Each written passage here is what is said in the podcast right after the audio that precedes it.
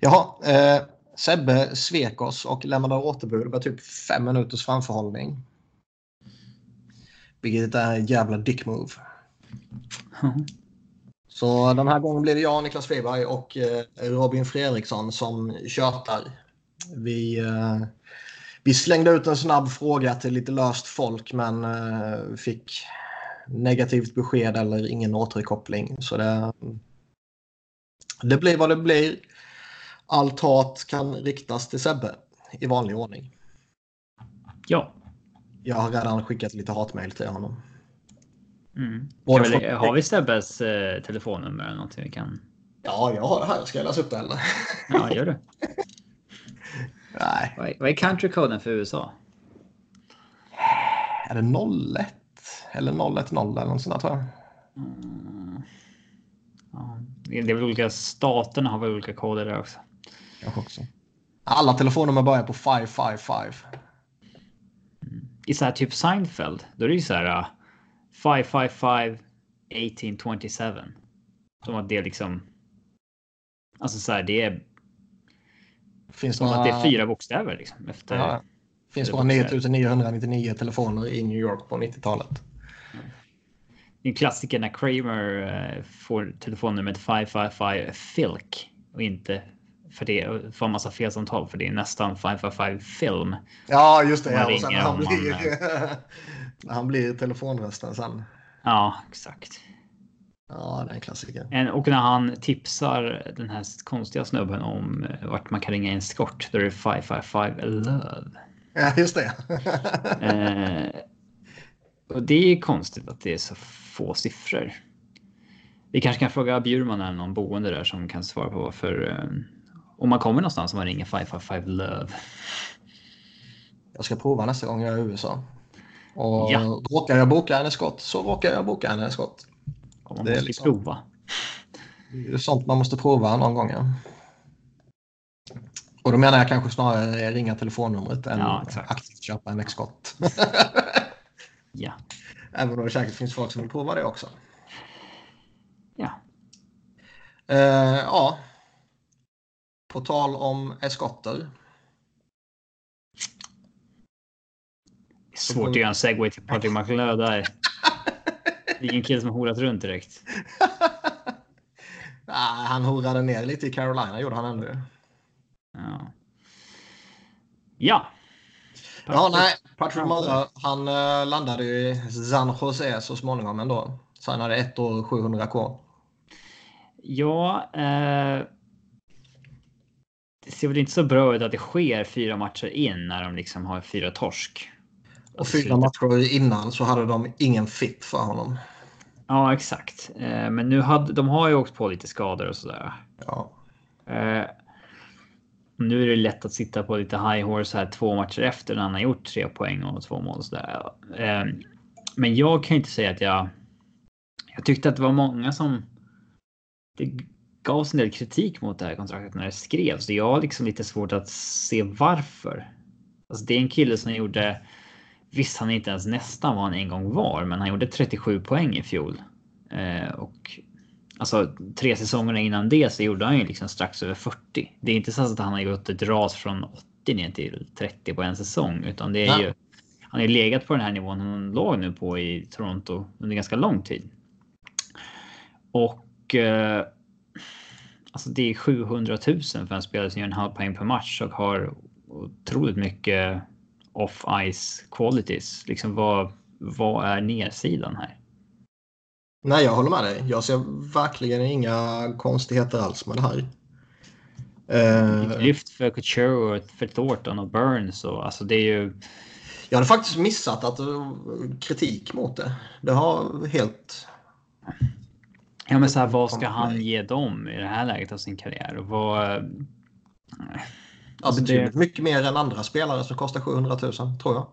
Ja, men det är ju ett capstrapped lag liksom. Det går ju inte att hitta en bättre spelare för 700 000 då. Nej, verkligen inte. Ja, det skulle väl möjligtvis vara Brian Boyle. Om han är desperat att ta... Jag trodde att du skulle säga Chris Stewart där. Men det... Nej, den är Flyers. Men vi väntar väl lite med han. Um, Ja, så tar det största sist. Men det är väl ändå... Visst, skadeläget påverkar, men man undrar ju var det kom ifrån det här att de inte hade någon fit för honom för fyra matcher sedan. Kan det vara så? Eller, alltså, det låter ju lite värre nu säger för fyra matcher sedan, men alltså. Det var ju typ i juli de bestämde sig för att nej, det. Nej, men jag för mig att det var alltså typ tätt in på säsongs... Inte två veckor sedan. Nej, jag för mig det var relativt tätt in på.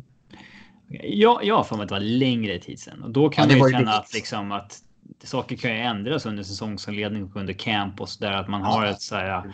Nej, men de här yngre spelarna var inte alls redo liksom. Eh, så enkelt kan det ju vara eller så. Ja, skador och. Eh, mm. 4 september så var det no fit between Marlowe och Sharks enligt agenten. Refererade han till deras samtal tidigare i sommar då eller liksom där och då? Det vet jag ju inte. Nej. Ja, men eh, ja, det är väl konstigt att det inte löstes redan i somras. Det, det kan jag tycka då också. Men det kan ju, då kanske han ville ha ändå. Kanske vill ha två miljoner. Ja, en miljon med liksom bonusar på en miljon till. Eh, det, det. Det kan ju faktiskt ha gjort skillnad. Man är ju ändå lite förvånad att han inte lyckades hitta något jobb i ligan innan ligan började. Ja. Sen är ju frågan hur, hur kräsen var han? Var det Sharks eller inget? Liksom? Var han redo att vänta ut dem? Har han hört någonting via rykten från Joe Thornton typ liksom? Det var, ju, det var ju några spelare som Sharks skulle testa under preseason som inte riktigt har fallit så väl ut och som skickades ner och lite sånt här också. Mm. Uh, Sörensen är skadad nu också. Ja. Det, det påverkar. det var ju någon, uh, vad fan hette han? Han hette så mycket som Brodzinski hade de ju lite förhoppningar på verkade det som och det ryktades i alla fall. Så det finns ju någon annan lite utfyllnadsspelare också som, som inte blev något liksom. Så visst, det, det påverkar väl att man går efter hand då. Men han ska ju vara en tillgång, även om han är 40 bast nu. Ja, men han hyllades som en bra värvning när han, när han skrev tre år med Toronto. Mm. Efter liksom 46 poäng. Nu gjorde han 37 poäng och får 700 000 istället för 6,25 eller vad det var. Jag tror att han ångrar att han gick till Toronto. Alltså, det, verkar ju, det är ganska ofta i det där skedet av karriären som spelare så här. Nej, men jag vill ha det här tre år. Så får de inte det så flyttar de. Och sen så. Jag minns inte vad det alltså. Han fick ju inte tre år. Nej, det minns jag. Men var det ett eller två? Två tror jag. Två. Ja. Eh, jag kommer ihåg att det var samma sak med Francois Beauchemin i Anaheim. Att han, han ville ha tre år, erbjöds bara två. Då skrev han tre år med Colorado. Men liksom det, det ångrar han ju garanterat sen. Liksom mm. det, när han köps ut så efter två år, då hamnar han ju tillbaka i Anaheim igen. Men alltså, håller du så kommer du få ett till kontrakt. Det... Jo, så är det. Men han, eh, han måste ju iskallt räkna med att nu ska jag vinna kuppen någon gång på de här tre åren. Bergerman, oh ja. Nej, Marlowe. ja. Var de så redo då? Toronto 17-18 att de skulle liksom nu jävlar. Nej, men något av de tre åren. Kanske ja. år två eller tre. Liksom. Mm, ja, förmodligen. Det absolut se eh, 1659 matcher har han gjort igen nu. Mm. Det är fan svårslaget. Det är väl OK. Han har en Ironman streak som fortfarande är valid då eh, på. Eh, ja, det är upp mot 800 matcher. Alla är ju typ så här ja, efter 30 års ålder. Jo, men han missade ju de två första matcherna. Ja, exakt. Eh, Eller nej, vad blir det? De fort... första matcherna. Ja, så är det. Men eh, ligan har bekräftat att hans Ironman streak officiellt fortfarande är valid. För att han ja, hade inget. Fanns. Han hade inget kontrakt med något lag de matcherna. Den är inte valid i mina ögon. Ja, jag kan väl tycka att det är. Alltså, ja, han har inte missat någon match på grund av skada. Det är det det handlar om. Liksom. Nej, det är scratchad. Ehm, det är bara fyra spelare som har gjort fler matcher än honom i NHL. Kan Mm. du vilka? Det kan jag rabbla på två sekunder för jag har dem framför mig. Trist. ja, Francis Jagger, Messier och Gordie Howe. Och det skulle man, eh, tre av dem skulle man ju ta rätt upp och ner. Mm. Howe, Det är Ron Francis som återigen glöms bort i alla kategorier. Så är det. Han, han skulle man... Han Eh, passerade här Recchi och Chelios slutet på förra säsongen. men han skulle man ju inte eh, gissa bland ett av de första namnen tror jag. Ronnie. Francis, nej. Eh, utan Nej, även glömde alltid Chelsea eller eh, någon sån där som man är uppe på. Nej, det är nog fan ingen spelare som är bortglömd för sin karriär så mycket som Ron Francis. Mm. Trots att han fortfarande är liksom in the game. Dessutom. Fast han var i Carolina. Alltså, Inte i där är man ju nästan som... Nej, men jag menar sista åren här som, som GM och sånt här. Där är man ju typ bortglömd ju. Ja, men alltså. Ja, han är fortfarande i... Nej, nej, det finns ju de som inte jobbar för ett NHL-lag. Jo, okej då. Eh, har vi något mer vill säga om Marlowe? Nej. Då går vi vidare till, till den stora snackisen i ligan.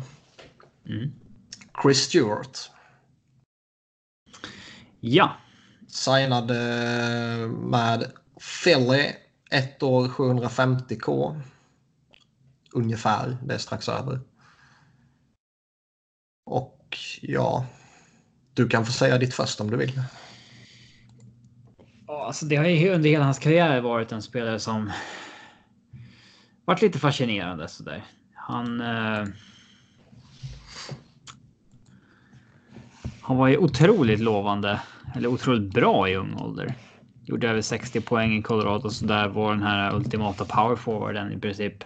Mm. Eh, men ja, alla vet ju vad det blivit av hans karriär. Han studsat runt lite och sådär. Men att han är gått från att i fjol spelat i liksom en korpliga en match och sen spelat 23 matcher för Nottingham Panthers och inte ens vara point per game i England.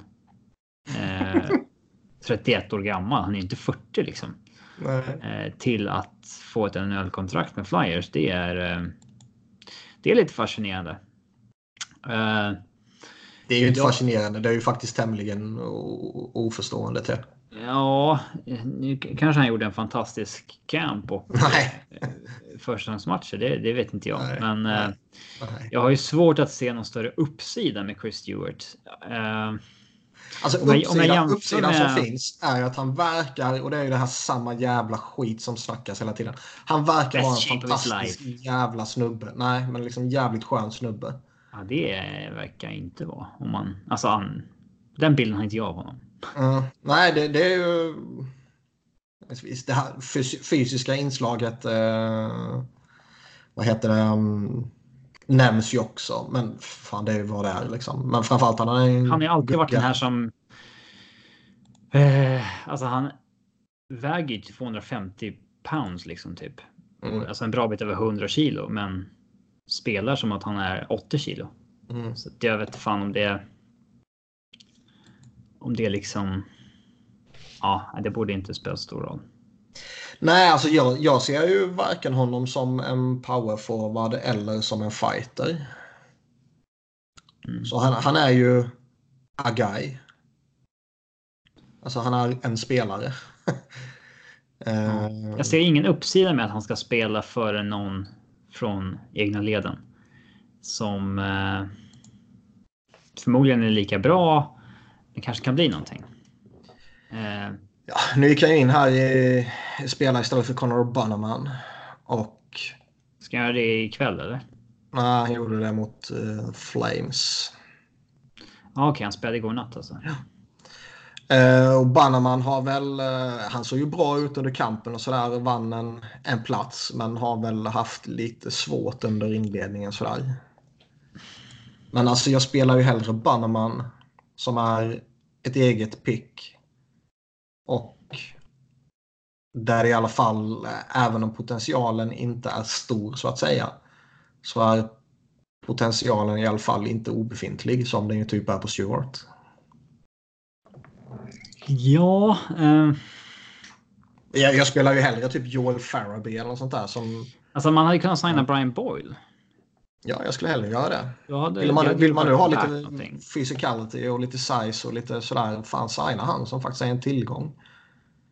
Ja, men det är inte så att han inte letar efter ett jobb, Brian Boyle. Nej. Så kan det inte vara liksom. Eller jag menar, vissa av de här har vi kanske checkat ut, men liksom Pominville eller eh, Troy Brower kanske till och med. Han spelade ändå hela säsongen i NHL i fjol och liksom. Ja, finns mer där i alla fall vågar jag nog lova. Ja, ja. Eh, så att jag, ja, den är väl, man väl lite oförstående till. Ja, det är vi båda två.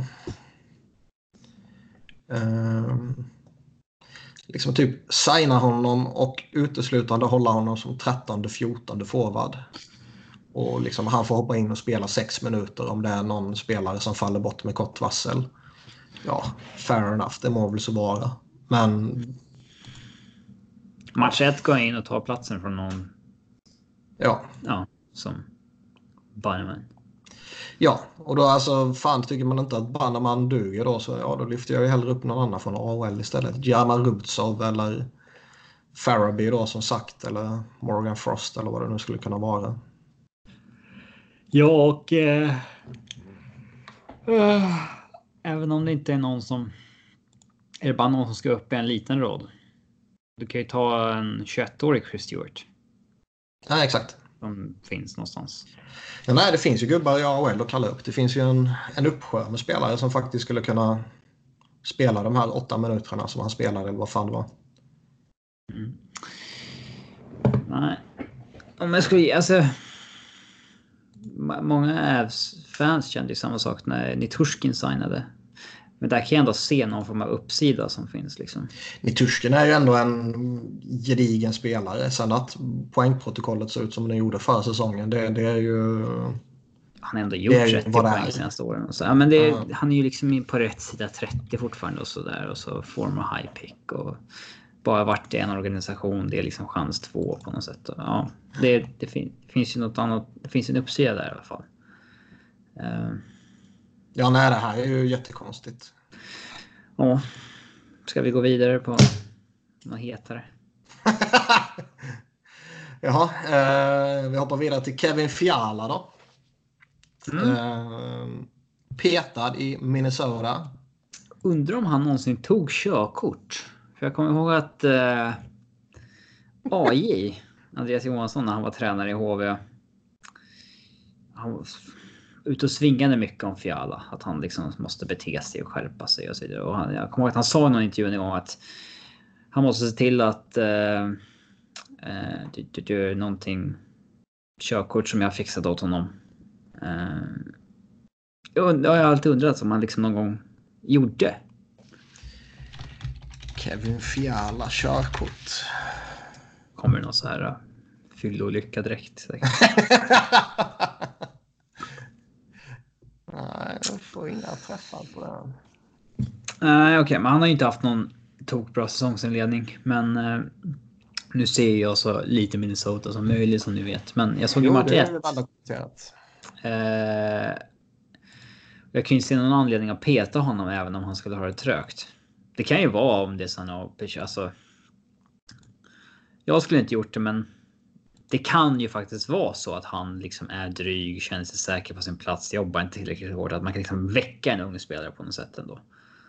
Han har ju eh, den stämpeln på sig. Ja, så är det ju. Det är inte Zach Parisis motor igenom, det vågar jag ändå lova. På något sätt.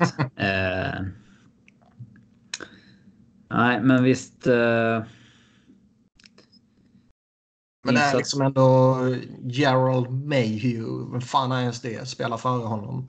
Viktor Rask. Vem fan är ens det typ? Spelar före Han har ändå spelat hyggligt med minuter fram till matchen han blev petad då. Så det är ändå lite förvånande så kanske.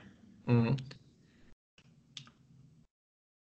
Hur många år innan han är tillbaka i Europa? Ja, det tror jag inte sker. Ja, fan, det skulle inte förvåna ändå alltså. Jag hade gärna tradat för honom om uh, möjligheten gavs. Jo, får man den där stämpeln på sig, vi har ju sett det med andra spelare. Då är man, är man bränd i en organisation kan man vara bränd i hela ligan.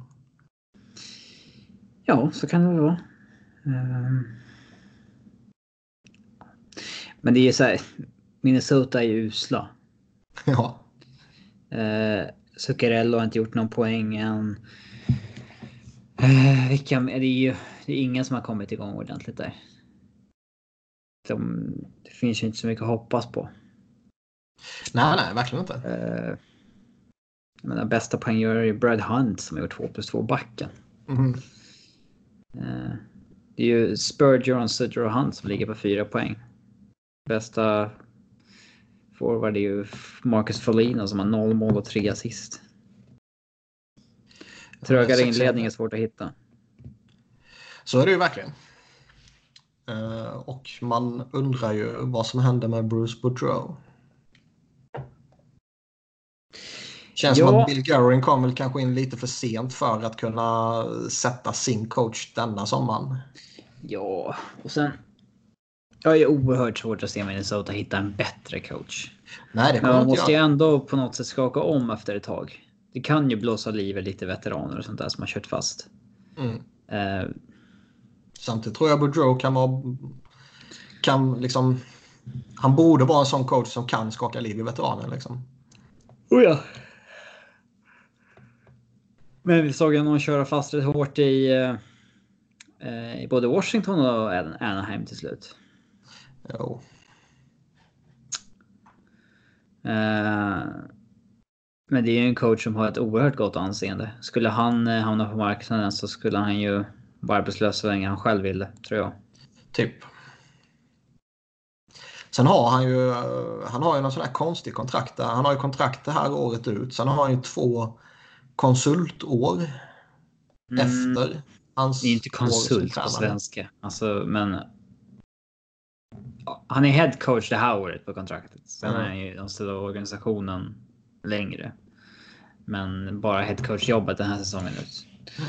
Mm. så att. Uh, mm. Ja, men han kan absolut bli första coachen.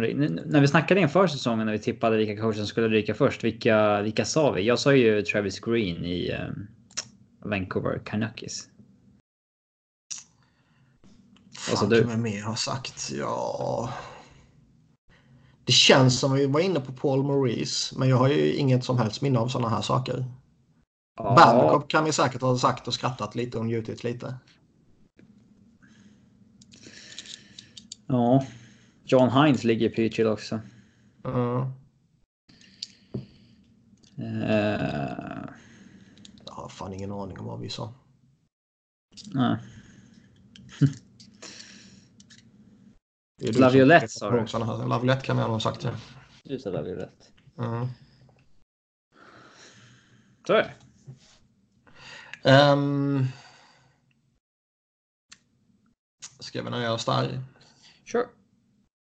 Det har ju kommit lite positiva rapporter om att Big Buff kanske kan komma tillbaka till Winnipeg inom en inte alltför avlägsen framtid. Ja, och det känns ju inte helt osannolikt. Ehm, men man undrar ju vad, om han har varit omotiverad, vad är det för form han kommer tillbaka i då? Mm. Man måste ju ändå säga att uh, Winnipeg åtta matcher här nu. De har gått 4-4. Ja, det är väldigt bra. 26-30 i, i målskillnad. Med, med tanke på förutsättningarna så är det faktiskt jättebra. Ja, att inte halka efter bara. Ja. De har liksom inga backar överhuvudtaget utöver Josh Morrissey. Och sen gick ju han och blev skadad någon match också. Ja, exakt. Då kan de få tillbaka Big Buff och han är i hyfsat gott slag. Vilket ju... Han känns ju helt klart som en spelare som skulle kunna gå in och bara göra succé direkt för att han är en jävla cool spelare. Eller så skulle han ha en startsträcka på typ fyra veckor. samtidigt, han har ju inte. Tidigare så känns det inte som att han har varit i så jävla bra form när han har spelat heller. Men det har ändå gått bra. Nej, nej. Men då kanske han har varit och balanserat på gränsen. Ja. Nu är det ju... Men det, man kan ju inte undvika att vara frågande just i hans fall. Mm. Men eh, jätteviktigt såklart om han kommer tillbaka för Winnipeg. Man undrar ju... Alltså har, har, han helt plötsligt nu när han har varit borta och han har ligan har kommit igång och så kommer man på att äh, fan det var rätt skoj det här ändå. Jag, jag vill nog spela liksom. Eller ligger det någonting i det här att han har haft problem med, med fotleden eller vad fan det är och, och nu känner han att äh, men nu, är den, nu börjar den bli okej okay igen. Eller är det bara att de bara tjatar och tjatar och tjatar och till slut lyckas snacka omkull honom?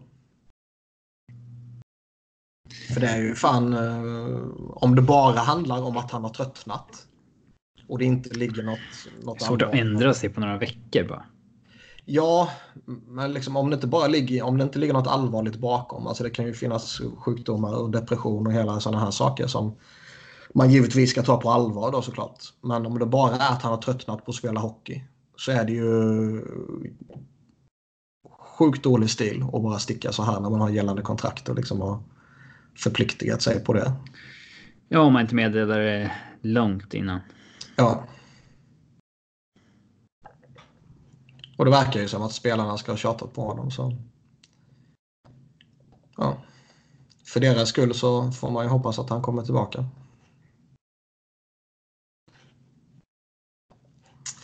Eh, I Nashville ser vi att Kyle Turris numera är nere som fjärde center. Ja, det är väl den fjärde centern i hierarkin, men... Ja, det har blivit jäkla... lite snack om det, men det är väl inte så värst mycket att reagera över, känner jag. Nej, inte jag heller. Det är ju liksom... Uh... Ja, men Shane och Johansson är ju givna ju och sen är det väl en kamp mellan han liksom. och Bonino då. Ja, det är ju liksom... Eh... Ja, men det gör ju att de får fyra bra kedjor på något vis. Det är lite det det är väldigt viktigt i dagens hockey att du har att du kan luta dig på alla fyra kedjor och han. De lägger ju i princip alla pengar de har på centersidan. Då är det ju. Då ska de. Då är det ju väldigt bra att ha en Kyle Turris i fjärde. Känner jag. Han har gjort det på också. Mm. Man fick en skada på Forsberg här också, men jag var faktiskt osäker på hur allvarligt det var. Uh... Game time decision imorgon så det var inte så farligt.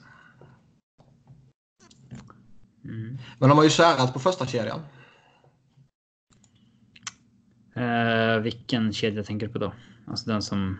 Alltså Forsberg, Johansson, Arvidsson. Ja, Forsberg vill göra med Duchanes på slutet. Jo. jo. Mm. Ja, det är väl inte dumt. Alltså Arvidsson med Johansson, Forsberg med Duchene. Eh, det är, inte, det är inte så många lag som gör det här längre, att slänga upp allt det bästa de har i första, utan att man försöker sprida ut det. Mm. Det är lite trenden just nu. Som sagt, jag tycker inte det är så värst anmärkningsvärt att Terrorist är nere som fjärde center.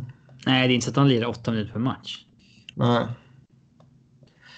Sen har vi ju i Florida så har ju Bobrovski skakat lite. Ja. Eh, har han väl. Men... Eh, Sen visst det är typ fyra eller fem matcher. Men han har liksom en räddningsprocent på 87. Ja, alltså ingen mått går ju att bedöma så tidigt. Eh, Nej, givetvis. Men man kan ju få uh, alltså en, en bra start skickar ju bättre signaler än en dålig start. Föga förvånande. Ja, det ser väl aldrig så bra ut när liksom storsigningen från sommaren inledde dåligt. Mm. 86,9 eh, save percentage i 5 on 5 minus 5,15 delta save percentage. Så det är ju... Mm. Alltså nu är det väl. Eh, det är nästan mer intressant att titta på liksom hans game log eh, hur många bra kontra dåliga matcher han gjort. Han inleder med att vara 86% mot Tampa.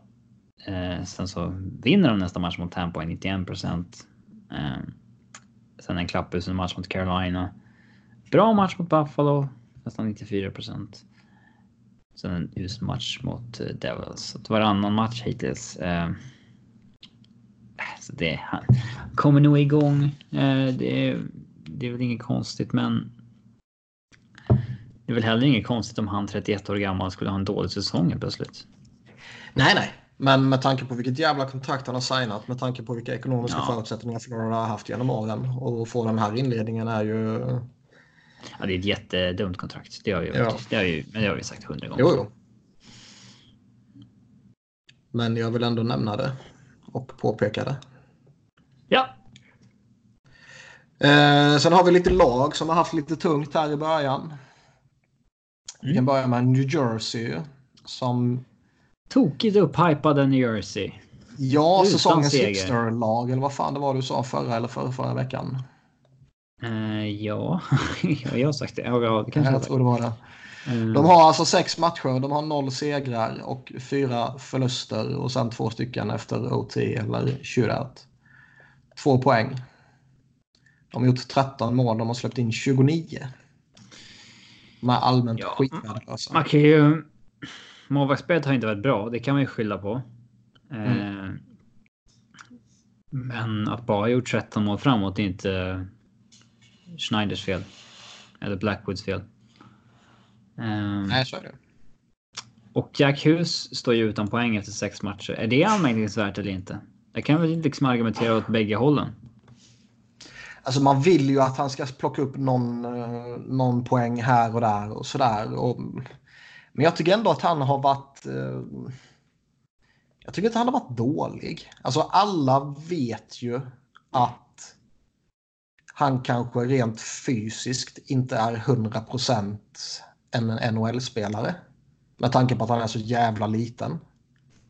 Och han... Man ser ju jättetydligt på honom att han... Eh, alltså... Motståndarna kan ju slänga runt honom lite hur som helst ibland känns det som.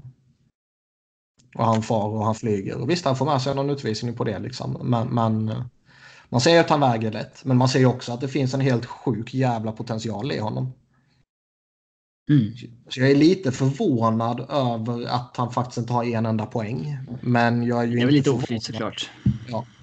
Men man är inte heller men... förvånad att, att det inte blev någon sån här omedelbar dundersuccé. Men kraven idag på en 18-åring som draftas ett och kommer in i ligan, det är ju inte längre så här, ja det är första säsongen. Går du etta idag, då är... Nej, då ska man göra omedelbar impact. Ja, eh, pratar ju alltid om att primen blir tidigare och tidigare och så vidare. Och de senaste ettorna har ju gått in och gjort det på en gång. Mm. Så att... Eh,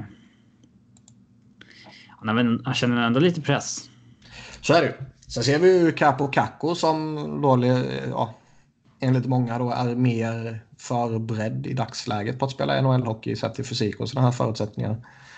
Han har ju inte heller dunkat in massa poäng. Nu har ju Rangers bara hunnit spela tre matcher på grund av eh, ett spelschema som är så jävla rubbat. Men, eh, men ändå. Jag tycker inte det, det, oavsett vilket så är det inte Jack Hughes som är problemet i New Jersey. Nej, inte. Vi var inne på målvaktspositionen. Taylor Hall har ju bara en balja hittills till exempel. Han har väl mest poäng av alla. Jo, men ett mål bara. Ja, men idag annonserade ju Devils att man flyttar ner sin assisterande GM till tränarbåset. Ja, och det, det känns fast... ju lite som att sådär när liksom en um, supervisor ska titta hur du sköter ditt jobb egentligen. Ja, men det är sån här Uncle Lou. Uh... Uncle Lou's playbook. Ja. Mm. Mm. Så, man kan ju inte tolka det på något annat sätt. Det måste ju vara att uh, nu ska vi syna dig så nära vi bara kan. Ja. Sen är det ju alltså visst inledningen har inte varit bra. De har tappat några klara ledningar. Vi vad är det, två eller tre tillfällen. Och eh, det är allmänt kaos. Men man sparkar ju inte coachen efter sex matcher. Mm. Uh, och John Hines har ju ändå hyggligt gott rykte. Ja, och jag har för mig att han fick en kontraktsförlängning under förra säsongen också. Han är bara 44, han ser mycket äldre ut. Mm. Men... Uh, uh, Lite förvånad är jag att PK Subban inte har målats upp som anledningen till att det har gått lite dåligt för Devils. Ja, inte för att jag eh. tycker det, men man tycker att någonstans borde någon hockeyman ha slängt ur sig det nu. Kommer nog. Men man ser liksom Wayne Simmons, han har inte gjort mycket. Uh, Subban har som sagt inte gjort jättemycket. Nico Hischier har inte gjort jättemycket. Nikita Gusev har ju inte varit någon dundersuccé så heller. Liksom. Taylor Hall har inte fått igång målskyttet. Så, ja, nej. Det... Det är jobbigt att hamna efter som man gör. Det, det går inte att komma ifrån. Men det är inte samtidigt. Det är inte, det är inte många poäng upp till slutspelsplats. Trots att de har fått en så dålig start. Nej, så är det ju. Och visst, alltså. Det räcker att man börjar vinna lite nu så är man där igen. Men eh, fortsätter det här i några veckor till då, då blir det en jävla uppförsbacke. Mm. Yes. Eh, vi har lite andra lag också. Dallas till exempel. Ja, den här erans sist. mest överhypade lag som vi sa. Ja. Som Näst sist i Western. En poäng bättre än Minnesota bara. 13-23 i målskillnad.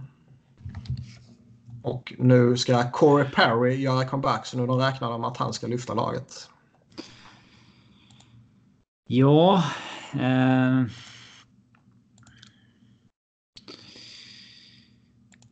Det är väl återigen. Eh... Ja. Vanligtvis så brukar de inte få tillräckligt av sitt djup. Mm. Men nu har de inte fått tillräckligt av sin spets. Eh, både Ben och Radulov på bara två poäng, Sagan på bara tre. Eh, och Pavelski har bara en assist sju matcher. Kling, Klingberg har bara en assist också. Ja, så, där, så fort toppspelarna börjar komma igång så lyfter nog det där skeppet. Eh, det är nog inte så. Det är inte så konstigt tror jag. Eh, men det är konstigt att det står så still. Mm. Att allihopa gör det också. Ja. Man kan ju leva med att någon av sina stjärnor får en dålig start. Så, det, så ligger båda målvakterna under 90% också så att eh, ingenting har ju funkat i inledningen för dem. Mm. Men det borde vända. Tämligen omgående kan man tycka. Det borde göra det. Vi har San Jose. Som vi var inne på lite när vi snackade Patrick Muller tidigare. Som väl eh, inte riktigt är vad man kanske förväntade sig att de skulle vara. 2-4-0 har de gått under inledningen här. 13-22 i målskillnad. Och... Ja, det var väl mer topic när de hade fyra för förluster. Nu har de vunnit två. Jo, det känns som att det är på väg att rida ut det där. Man får ju tycka, eller man kan ju... Vad fan säger man? Det, det, det känns så. Men... Mm. Man undrar ju samtidigt också att offrar de lite för mycket i sin forwardsbesättning när de signar upp Erik Karlsson? Jag tycker ju liksom att har man möjlighet att signa Erik Karlsson då signar man Erik Karlsson för han kommer ha en sån jävla impact på dig. Uh, oavsett om man nu tycker att det är kaka på kaka och det här jävla skitstacket med Brent Burns. Uh, I den paramotiska filosofin. Men forwardsbesättningen är ju utarmad. Det kommer man inte ifrån. Det blev ju en konsekvens. Och det känns ju som att San Jose de är mer beroende av toppspelarna än vad de har varit tidigare. För tidigare har de kunnat rulla ut tre tunga kedjor där alla tre kan vinna matchen åt dig. Då får de kanske nöja sig med en och en halv eller två beroende på hur man formerar det.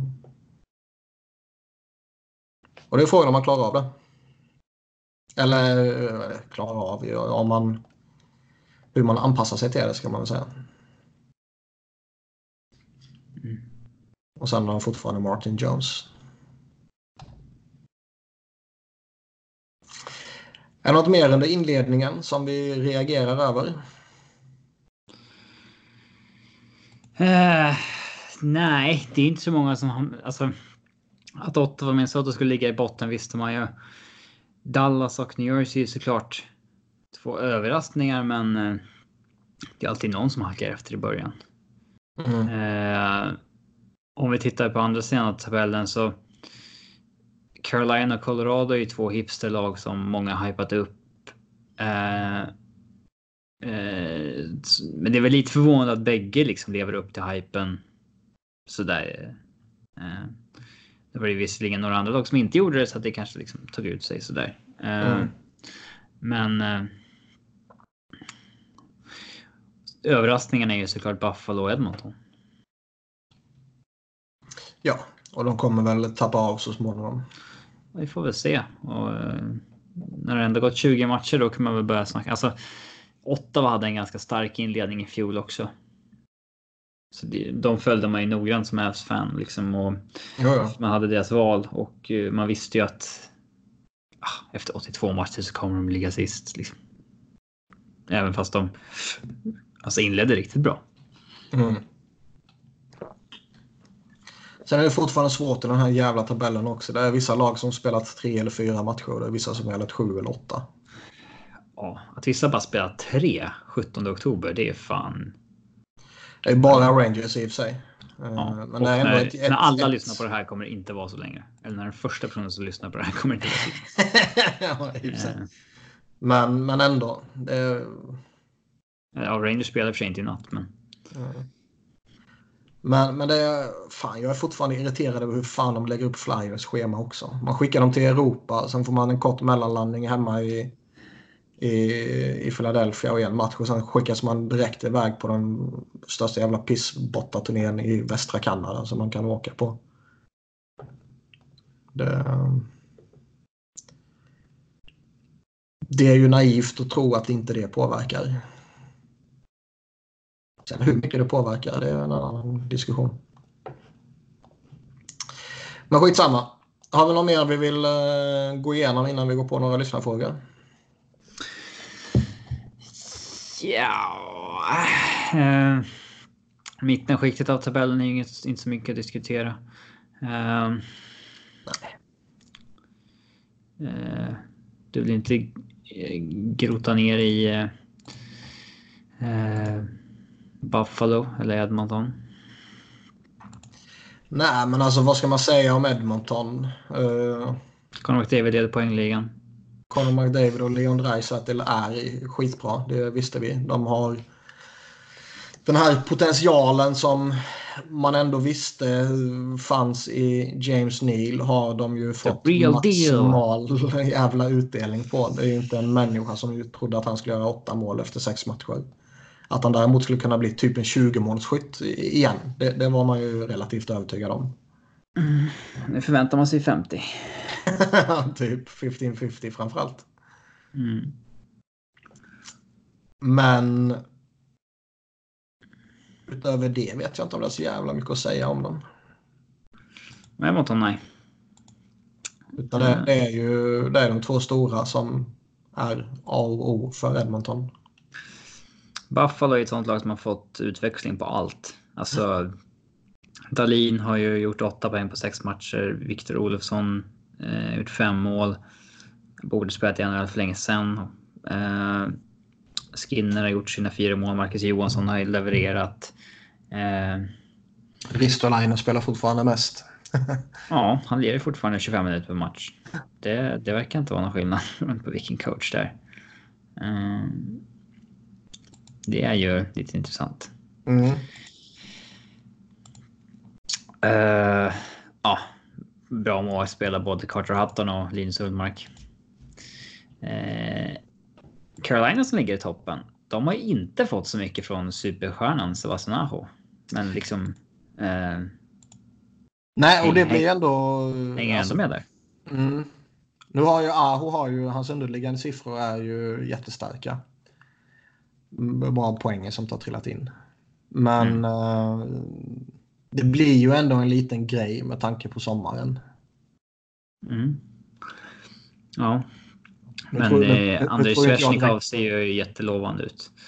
Och Erik Haula ser absolut inte ut att vara någon slutspelare kan man säga. Nej, nej. Där var man ju lite orolig. Men eh, det har ju... Än så mm. länge i alla fall. Han kanske tröttnar efter 40 matcher. Men det är ett senare problem. Avs är fortfarande obesegrade, men de möter ju här Pittsburgh eh, om ungefär en timme då. Mm. Får vi se. Vad tycker du om Avs inledning annars då? När vi ändå är här. Avs? Mm. Eh, ja, men det är väl jättebra liksom. Det är väl klart att man kanske inte ska ha vunnit alla fem matcher utan att man har haft stolpe in sådär. Um, men det finns väl inget att klaga över liksom. Eh, Burakovsky var ju, hade ju en svag camp och ja, så, så vidare. Men nu står han här med fem poäng på fem matcher. Ja, Cale McCarr har match, gjort... Två matcher i rad va? Mm. Eh, exakt. Eh, de har ju... Han avgjorde mot Boston, men det är ju VG-coachen Brett Heimlich som blev en av de värsta då som challengeade bort två mål från Boston. Mm.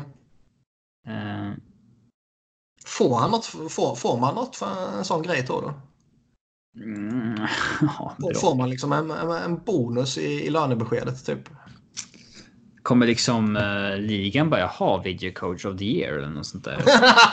så här, uh, vem skulle man döpa den efter då? Vem var liksom den första videocoach? Alltså vem var den första? Har vi någon sån här Jack Adams av videocoacher? Ja, det är en bra jävla fråga. Jag vet inte. Patrick Roy är väl antiversionen eftersom han är känd för att han slog sönder Bob Hartleys eh, videobandspelare eh, på kontoret. för att han, eh, inte vet jag, han, han var konstigt. Han petade någon match eller sånt ja. Patrick Raw tog lackade på Adrian Dater för att han skrev det i Denver Post. Mm, Sorry, Patty, but if you smash the video, it's gonna go in the paper, man.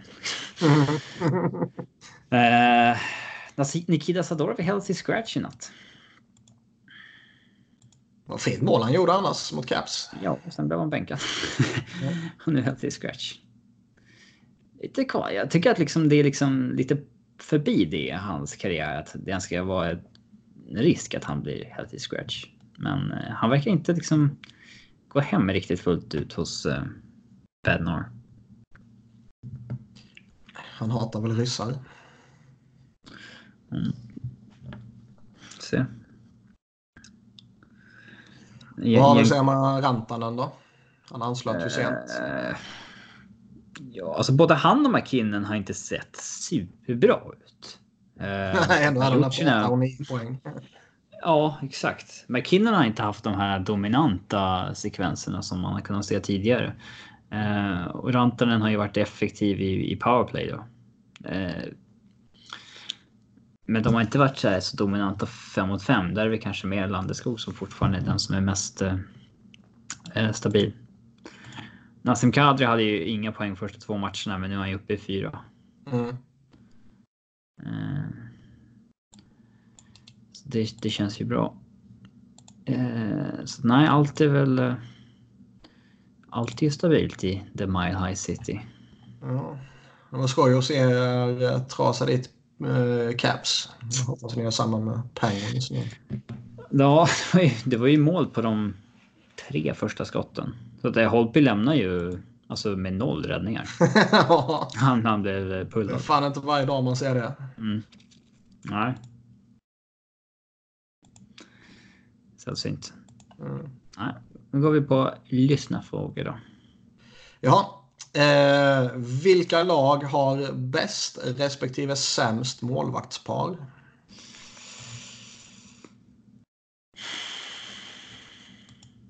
På pappret vill man ju säga Nashville. Rinne Saros. Men frågan, ska man liksom ha det bästa paret eller den som har bäst mål? Alltså, är det ett bättre par att ha liksom eh, en supermålvakt som spelar 70 och en okej backup? Eller är det ett bättre par att ha liksom? Inte vet jag, det Carolina har med eh, Reimer och Mrazek. ja, Rasek. Eh, ja, jag menar ju inte att Nashville är alldeles självklara sådär, utan jag menar mer att det är ett av de paren man ska nämna bland de bästa. Nu har ju Saros varit eh, lite skakig här under inledningen, men på pappret så att säga. Mm. Så då tycker jag väl absolut att de ska vara där. Ehm, Det fin- alltså, nu känns det ju än mer som att det är att tippa åt vilket håll som helst när det gäller målvakter. Alltså förut så för tio år sedan. Då kändes det fortfarande så här. Man vet ju att eh, Henke Lundqvist, eh, Toka Rask, eh, Pekarin, alltså det är så här, det, de kommer ha sina bra säsonger. mm. Men nu finns det inte riktigt de där målvakterna som man liksom vet kommer vara, ha en bra säsong. Nej, Henke är gammal och Pekarinne är gammal och Carey Ja. Price är ju, även han är ju skakig liksom. Ja, det bästa paret är väl eh, Gibson och Miller. Mm.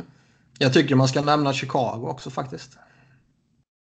Ja, Crawford är- Lener är ju ett, eh, ett par. Nu finns det ju orosmoment där också som vi har varit inne på i tidigare poddar med, med båda två. Men det finns ju också en väldig potential. ja. Eh, ett par som kan både vara det bästa och det sämsta kan ju vara Binnington och Allen. Mm. Man får väl nämna Ottawas när det kommer till det sämsta också. Ja, Men det är så självklart så det ska man inte behöva säga. och eh, Columbus har ju ingen etta. Nej. Har de ens en tvåa?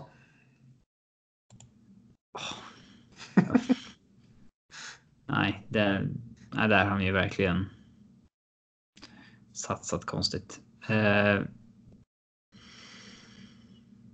Det var mycket snack om Jonathan Quick och sådär, men det har ju varit skakigt. ja, både han och Campbell har ju haft eh, sådär inledningar, men Mm. Visst, nu klart att det är snart uppmärksammat är- när Quick är väldigt dålig i tre matcher. Ja. Men det är också tidigt. Skulle han ha tre dåliga matcher i mitten på säsongen, det är ju knappt det skulle märkas. Nej, så är det ju. Men det är ju därför det ska ju nämna det nu. Mm. Eh, jo, så är det. Har vi något mer? Mm. Edmonton är dåliga också. Koskinen, Smith. Mm. Man är ju skeptisk till Sharks. Boston är bra. Rask och Halak. Mm. Ja, Sharks är inte bra. Sen finns det, det Detroit som är det ändå bra. Bernier Howard. Jo. Sen är det ju typ 15 lag som är i ett sån här jävla mittenkluster typ. Mm. Där man varken kan säga till eller från. Men vi känner oss nöjda där eller? Ja, Vad händer om man skippar öst-väst i slutspelet? De 16 bästa lagen gör upp om det bara. Ettan möter 16 laget, tvåan 15 och så vidare. Då får vi en mer fair cap run känner jag. Vad tycker ni? eh, jag tycker det hade låtit jättebra. Eh, men det är så. Logistiskt så kan jag tänka mig att det är en utmaning. Ja, men att det här att det är jobbigt för journalisterna, det är ju inte något som man tar i beaktning. Nej, men, nej jag, menar, jag, menar inte, jag menar för lagen också. Ja, men det är ju bara liksom en slutspelsserie på. Alltså. Det borde inte innebära något större problem än att spela vanliga matcher under säsongen. Man tycker det. Men... Uh... Eh, så, men det är så, det är så in, det är sån oerhört stark tradition i amerikansk sport, inte bara i hockey, att man ska ha liksom östra och västra konferenser liksom. Jag tycker, jag, eh. jag tycker det finns en charm i att liksom uh, man slår sig fram i sin, i sin egna konferens och sen så går man Ja, men det är så det alltid har varit liksom. Mm. Sen visst, sen innebär det att man får den, den moraliska finalen blir en konferensfinal ibland och ibland kan den bli typ andra rundan i det här jävla eh, systemet. Mm, verkligen. Jag tror jag, jag, jag vet inte om jag tilltalar så jättemycket i sånt. Ettan möter lag 16. Men det kanske är för att man är för inrutad i det gamla. Jag hade gärna kört på det där. Men det, det blir ju mindre liksom rivalries. Som liksom det... det finns ju inga rivalries. Ja, men det blir mindre då. Jo, men liksom visst. Det att blir... alla mot alla scenario liksom. Ja, men hur många färre, alltså. Inte ens Pittsburgh Philadelphia är ju rivalitet längre. Montreal Toronto är ju ingenting. Montreal Boston är ju ingenting liksom. Nej. Nej, det, San, det... San Jose Vegas har väl kanske börjat bli... Ja, men det är ju verkligen det är så här, det är tillfälliga men, grejer. Ja. Det skulle lika gärna kunna vara vilket annat lag som helst. Mm. Uh... Och de dagarna när vi har liksom Colorado mot Detroit där när det var som allra roligast eller gamla klassiska Philadelphia mot Pittsburgh. Yes. De, är ju, de finns ju inte. Ja. Nej, så är det Det har jag varit inne på förut. Eh, det är inget, det är inget nytt så, men eh, det blir än mindre då såklart om man skulle ha det så. Uh, om ni var Caps, hur hade ni hanterat Holtbys utgående kontrakt med tanke på Samsonov? Hur mycket lättare tror ni det är att förhandla med andra GMs när ens lag går bra? Oilers till exempel som skulle må bra av en topp 6-forward men behovet döljs lite av uh, hur bra man har startat. Vi tar Holtby först. Mm. Uh... Hade man inte vunnit den där kuppen. Då hade man nog fått ge han vad vill ha. För att liksom. Blitka och Ovechkin och Beckis och John Carlson och så vidare. För att vi ska hålla ihop det här och gå för det. Mm. Men. Eh, jag hade varit. Alltså jag hade inte signat honom i sommar om han hade krävt. Eh, det där kontraktet så att säga som han kommer vilja ha. Ja, typ Bobrovski-kontraktet. Vilket man väl någonstans får sätta som någon... Ja, det krävs ju att han har en ganska het säsong också om man ska liksom ha det där. Mm. Eh, men. Jag hade inte tömt eller sprängt banken för honom.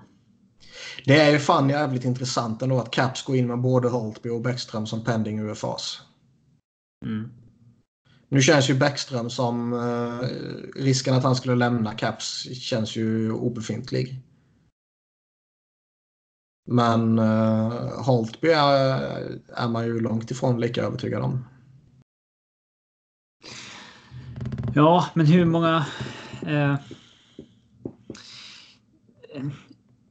hur många lag kan liksom gå för Holtby i sommar? Columbus.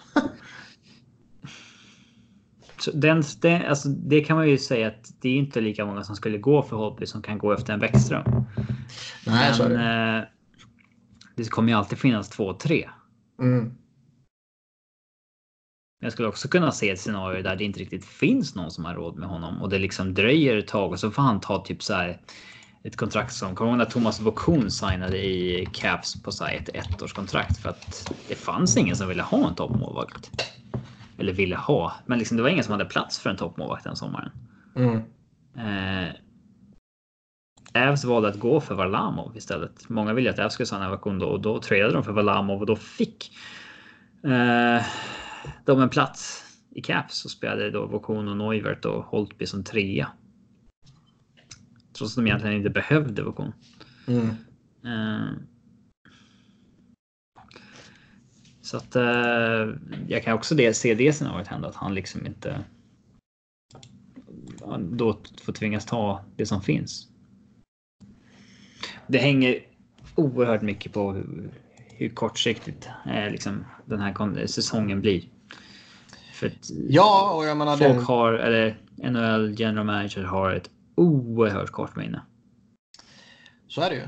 Och det kan ju, alltså med tanke på att Samsonov är på uppgång så kan det ju, skulle mycket väl kunna visa sig vara rätt beslut att man lät Holtby gå in som penning UFA. Och han har lite problem och Samsonov övertygar och så väljer man att gå Samsonov-vägen istället. Mm. Sen vet man ju inte, alltså det här med att gå in i, i säsongen utan kontrakt. Vissa spelare bryr sig inte det minsta om det här att man kan förvandla, för, förvandla förhandla under säsongen. Eh, Medan andra inte vill göra det överhuvudtaget. Eh, jag vet faktiskt inte om det har sagts något om de här två. Mm. Och det kan ju vara jätteskillnad från person till person. Den ena kan ha enorma problem med att gå in med den osäkerheten över framtiden över sig medan en annan bara kan vifta av sig det. Så det skulle vara skoj om Holtby kraschar. Mm. Det andra punkten då. Hur mycket lättare tror ni det är att förhandla med andra GMs när laget går bra? Och så syftar man på Oilers som ett exempel här då. Ja, men det påverkar nog ganska mycket. Man kan ju tänka sig att Ken Holland känner nog att det är enklare att prata med andra GMs nu än vad han gjorde för en månad sedan. Jo, ja. Nu har ju han redan målats upp som GM of the year enligt vissa. Han har inte ens gjort någonting. Eh, förutom mm. Neil Lucic-traden då. Ja. Uh, ja, och det är ju liksom, det är nog garanterat. Uh, uh, det är nog mera Puljujärvis agent som ringer Ken Holland än tvärtom nu. Jo, lite så. Fan vad tyst om honom alltså. Mm. Verkligen. Han har inlett eh, okej okay i Finland. Mm. Alltså han har gjort eh, ja, 11 poäng på 11 matcher. Det är väl, det är väl klart det är okej okay, liksom. Men man förväntar sig nästan att han ska liksom dominera ligan. Det kanske, ja, det, det kanske är skeva förväntningar i så fall. Mm. Men fra, ja, framförallt det, om man går tillbaka till frågan så är det ju framförallt kan det vara en, en fördel om du försöker trada iväg. Alltså om du vill göra en hockey trade så att säga och byta en spelare mot en annan. Mm. Så kan du säkert lura någon GM för att ditt lag är heta för tillfället. Att plocka på sig någon jävel. Så det tror jag absolut. Jag tror det, det är rimligtvis en jättefördel. Det känns som att allting i den här jävla ligan blir så mycket enklare om laget bara vinner. Förutom beslutet att ändra i laguppställningen. För det är typ inga coacher som kommer göra några förändringar i ett lag om man har vunnit den senaste matchen. Nej. Om det nu inte är en superstjärna som har blivit frisk typ. Ja, visst. Men är det någon random tidigare ordinarie utfyllande spelare så då får han vänta till de har förlorat. Typ.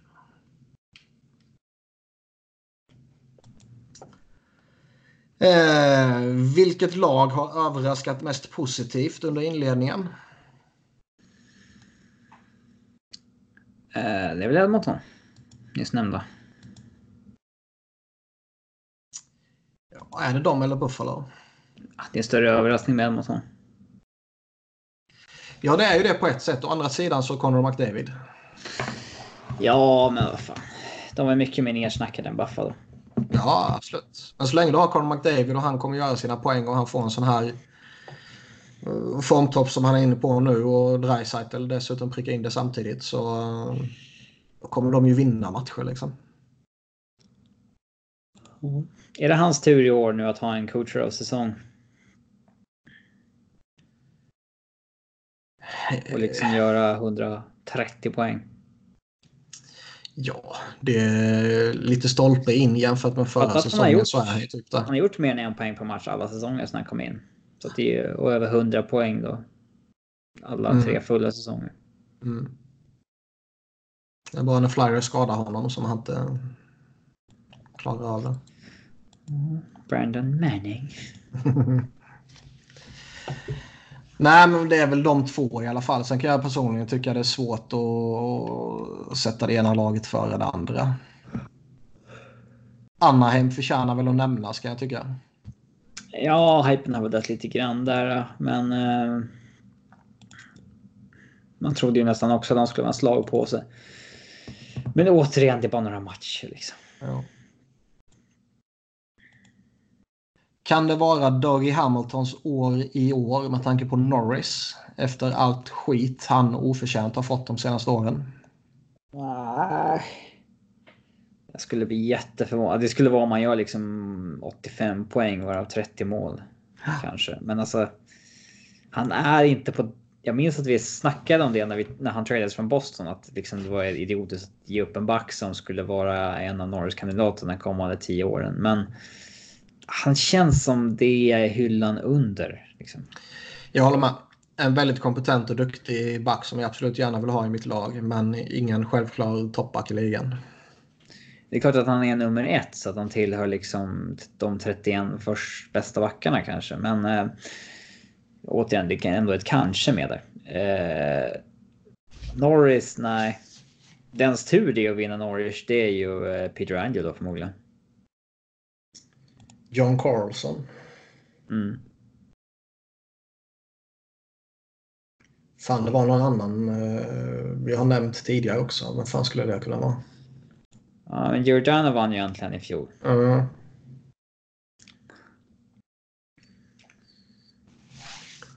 Ja, skitsamma. Men jag, jag, tror, jag, jag tror också hans... Eh, tanke, man vet ju hur korkade de här jävla journalisterna är. Liksom. Och med tanke på... Men Hamilton är en som skulle, han skulle behöva visa mer än han borde behöva för att det skulle... Typ. Eh, han skulle ju inte få gratis röster för att han har mycket poäng någon säsong. Nej, och jag tror fortfarande han har ett rykte bland vissa kretsar som gör att han oh. kommer tappa i, i liksom anseende om man säger så. Ja. Finns det någon som ens har en sportslig chans att utmana en frisk McDavid om poängligan i år? Om poängligan? Ja, det är det väl. Uh, men eh, att vara bästa spelaren i NHL? Nej, det, den diskussionen är död kommande decenniet. Du menar att det är Travis Connecting? Nej, Connecting vad laddar du till med? Som... Ja, det var bäst under inledningen. Ja. Nej, det var ju... Man kunde ju fortfarande argumentera för att Crosby var vassare för två år sedan kanske. Men uh, McDavid har ju seglat iväg nu. Och, uh, ja, alltså det är en del Toronto media som ibland lyfter upp Matthews att han skulle utmana. Nej, men det är ju bara skitsnack ju. Det, för att ni äntligen har en stjärna att nämna. Alltså, ja. Det är liksom så här med. Det är, om Hamilton är hyllan under eh, Norris då är Matthews en minst en hylla under McDavid. Ja. Sen håller jag med det du säger. Jag tror det finns flera kandidater som kan ta hem poängligan. Ja, för att för... de är i bättre situationer helt enkelt. Eh, exakt. Ehm, men ja. Skulle man betta pengar på någon i dagsläget så är det ju McDavid som borde vara favorit. Mm. Ja, det, det, är det man ska köra på. Uh, I förra avsnittet nämnde ni att Tyler Myers är en spelare. Väldigt likt Dorian när han sa “We're a team”. vilka fler köttsäckar är spelare? För, för vilka tjommar i NHL skulle svaret på What's the one thing you're optimistic about vara han är en spelare? Fan, Dorion och Ottawa, de har gjort några sådana här gyllene ögonblick genom åren alltså. Ja. Chris Stewart är en sån. Som vi nämnde tidigare. He's a player. Ja. ehm. Ja, jag vet inte. Det... Lite invecklad fråga. Eh, Ja, och, och liksom det, man vill ju inte bara säga någon, någon snubbe som lirade en match liksom och var jättedålig och sen inte är tillbaka igen. nej, det... nej. Exakt. Roman Polak typ. Men Alltså, han skulle ju flera coacher kunna lyfta fram genuina argument för att han är bra. Ja, ja, men det betyder inte att jag tycker det. Mm.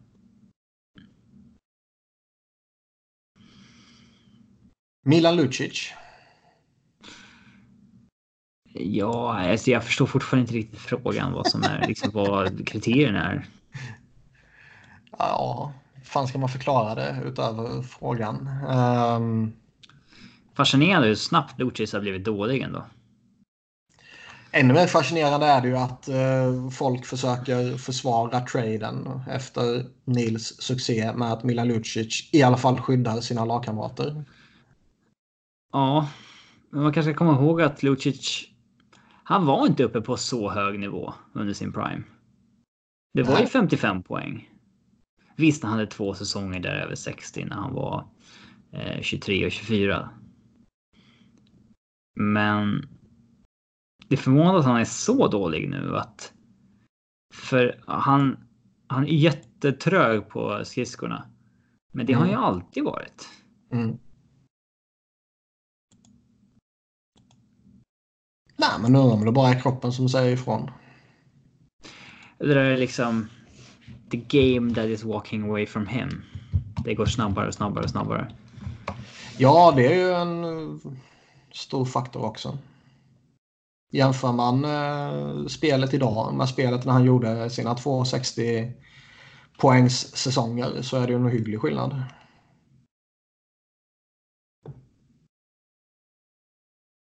Så det... Någon annan spelare är svårt att komma på känner jag. Fan skulle det kunna vara? Finns ju säkert en drös i Vancouver.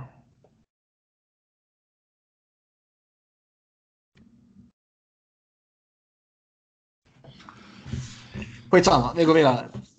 Eh, är 2012 det sämsta draftåret någonsin? Någonsin. Eh, jag ju- sämsta första rundan i alla fall. Ja, Modernt. vad har vi? Alex Galchenyuk har ju blivit bra. Morgan Riley har blivit bra. Hampus Men skulle den redraftas. Då skulle ju typ Filip Forsberg gå etta och Hampus Lindholm tvåa. Ja. Det är bra spelare. Det är mycket skit i första rundan alltså.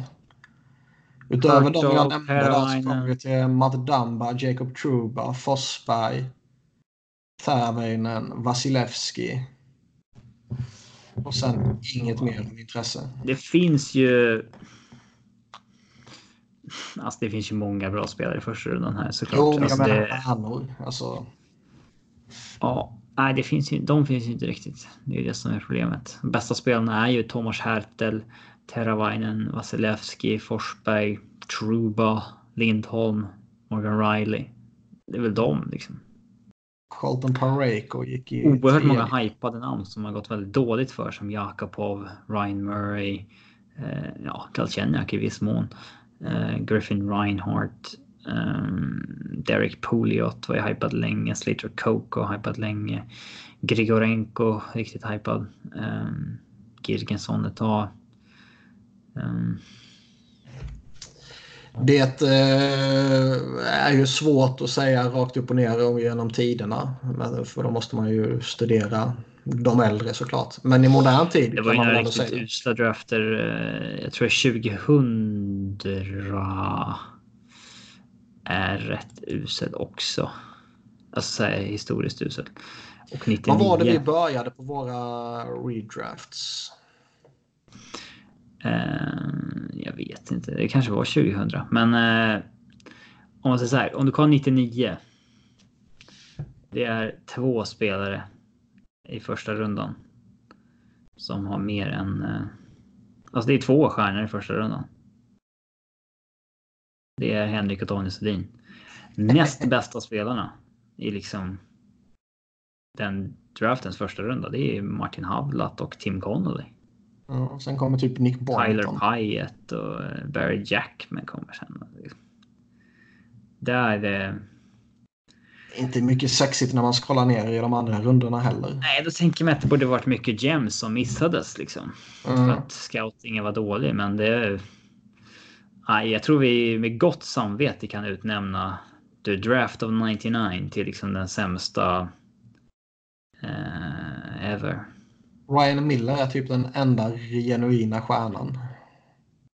Ja, Henrik Zetterberg gick ju rundan. Ja, alltså, det- ja utöver Sedinarna liksom. Visst, sen kommer väl de där, men jag har inte skalat ner så långt ännu. jag bara Ja, men- femte ännu. Henrik Zetterberg i sjunde. Jo, jo, det. Eh, det, de tre de... Liksom det, är- det är tre spelare i draften som blev stjärnor. Och sen Nej, framförallt... Miller måste man ju kunna definiera som en stjärna. Ja, visst, men målvakt gills inte. Ja, ja.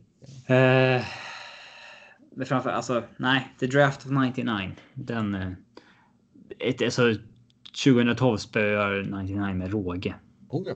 Om vi skulle göra liksom ett... Om vi skulle ta ett Årsta-lag från liksom den årgången.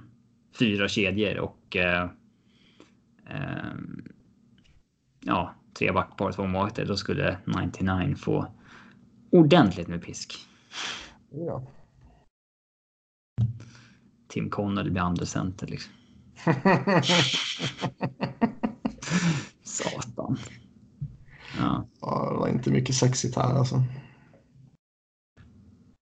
så att nej. 2012 är inte sämst. Det är 1999. Eh, på tal om att Peter Käck har blivit hockeymålvakt, vilket för övrigt var jävligt coolt. Matchhjälte i första matchen. Mm. I brittiska fjärde divisionen har jag för mig. Om ni fick plocka ut en spelare från era Premier League-lag och placera honom i era NHL-lag, vem hade ni valt? Vilka spelare skulle ni spela honom med och hur hade han presterat? Succé eller flopp? Kan jag säga att Niklas är på Arsenal? Det är korrekt. Vem i Arsenal hade varit bra på hockey? Sead Kolasinac som fighter. Ja. Fighten har inte en roll längre. Dock. Nej, men mm, Kolasinac eh, ger jag den rollen till. Nej, det är väl sagt med lite eh, glimten i ögat med tanke på eh, knivöverfallet. Men eh, det känns ju inte som att Arsenal har någon hockeykompatibel spelare. Alltså. Inte nu när Peter Käck har slutat. Mm. Jag tror inte att det finns någon i Liverpool som har spelat hockey. Med tanke på vilka länder de kommer ifrån och så vidare. Eh, så tror jag att det är rätt uteslutet med att det är hockeyspelare där. Det skulle vara om Shakira spelat när han var liten då i Schweiz kanske. Eller... Eh, ja, exakt. Eh, men... Eh, Ja, det står väl då mellan han. För han har dels den här fysiken trots att han är liten. Eh, Liksom, ja, han har ju faktiskt hockeykroppen. Det har han ju. ja. Det är väl han jag tänker på. Eller James Milner. Som är liksom... Allmänt- skulle ju fan klara allting. Ja, det är så här. kan vara ett fysiskt jävla fenomen ju. Det säger, jag har hört att han liksom är eh, i princip på proffsnivå på golf också. eh, det är en sån där kille som. så här löjligt mycket. Typ så här, intresset i livet är att äta rätt och träna bra. Mhm. Det är det som är roligt typ. Mm. Eh, han, eh, han är ju känd för att vara tråkig och så här, det, de har gjort mycket klipp med honom på LFC TV och så här, vilket te är godast och sånt där. Eh, det ja, säger han att om, om man tar mer än en sockerbit i kan man lika gärna dricka en Coca-Cola. Typ. Eh, så att, ja, men, men han är ju så här. Det känns som att om du skulle ge honom ett år att träna vilken sport som helst så skulle han bli så här 7 av 10 bra på det. Liksom. Han, är, han skulle kunna vara den moderna Tumba. Ja. Eh, sen så säger mig någonting att Virgil van Dijk hade kunnat varit en hyggligt stabil defensiv back. Ja, Bara typ på självförtroende och pondus typ. mm. jo det håller jag med om. Eh, Men i Arsenal, jag har fan svårt att se någon. Alltså, vad fan skulle det kunna vara? Alltså, historiskt då? Historiskt. Martin Keown som galen defensiv back. Mm. Dennis Bergkamp skulle ju vara en gudabenådad playmaker i hockey också. Han är ju han är en sån där allmän bollbegåvning bara. Ja, kanske det. Uh, ja, in... tänka på gamla Arsenal-lirare så här. Tomas Rosicki måste väl ha spelat någon hockey en gång, någon gång. Ja, det kan han nog ha gjort. Mm. Uh... Grand Chaka skulle ju vara typ nya Andrew McDonald ju. Ja. Ah, jävligt dålig hockeykompatibelt. Uh... Om vi säger så här, om Liverpool skulle möta Arsenal i en hockeymatch så tror jag Liverpool skulle vinna. Bara det känns som att det är mera kompatibla spelare med. Ja. Ja, jag skulle ju inte satsa pengar på Arsenal. Jag tror att Jürgen Klopp hade varit en bättre hockeycoach än Unai Emery också. Det tror jag definitivt. Lacazette kanske skulle kunna vara någon brunkig jävla forward. Han är fransman, det känns inte så... Nej, men han har ju lite, lite den spelstilen har han ju ändå. Att han skulle vara liksom Belmer, så att säga. Sin landsman. Typ. Vad har vi i Man United för Sebbe då? De har ju bara skräp rätt igenom. Jag tror Lindelöf har spelat hockey. Hans brorsa gör ju så det måste han ju fan ha gjort ju. Mm. Han spelar ju i Västerås är det väl? Ja, eh, ja men exakt. Eh, eller ja, i Brynäs nu då. Men, eh, Ja just det, det var jag så, just det. men de kommer ju från Västerås. Så att, eh, jo, men då, jag kan tänka mig att Lindelöf har säkert spelat upp till så här TV-booker-nivå eller någonting som många har. Finns han på EP? Nej. Vilka är de liksom skummaste hockeyspelarna som finns på EP? Steve Carell. Steve Carell, Paris Hilton. Paris Hilton. Justin Bieber finns Ja, på riktigt. Justin Bieber. Uh, Vad fan heter han? Uh, Keanu Reeves. Ja. Richard Dean Anderson. Um, någon jävel till är ju.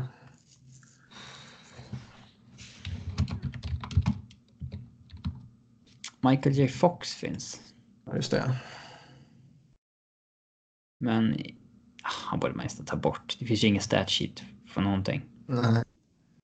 Så då är det inte riktigt.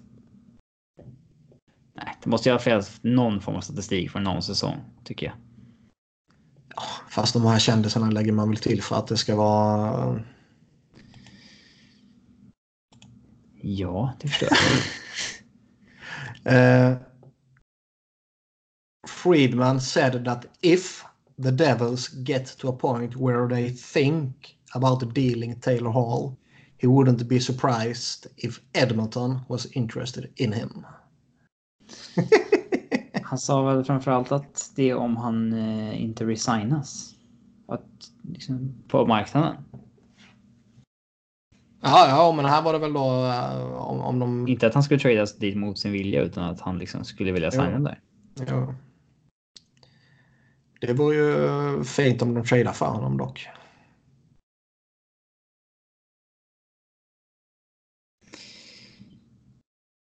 Tänk om de bara kan reversa traden. Alltså att liksom.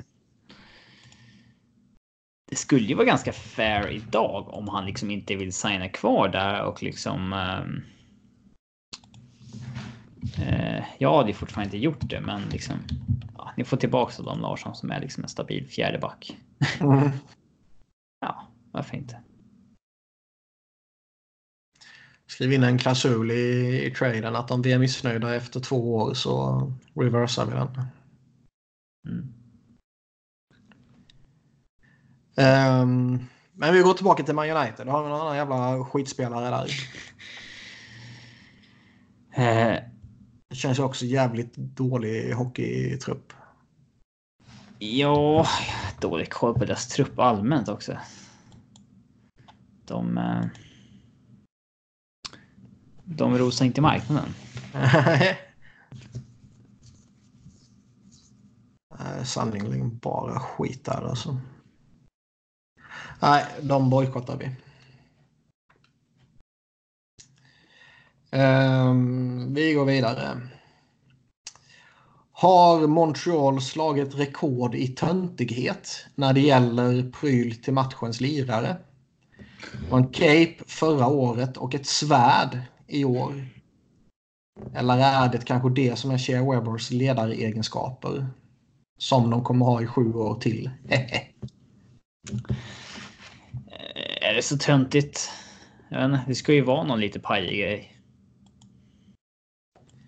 Fast ett svärd är ju jävligt lustigt känner jag. Det beror på vad det är för svärd. alltså det... Är det Ja, ett sånt, ett sånt där, ett sånt där mördarsvärd. Ja. Eh, kan ju vara sånt där japanskt självmordssvärd också. Delas ut till matchens sämsta spelare istället. Ta, ta hinten. Mm.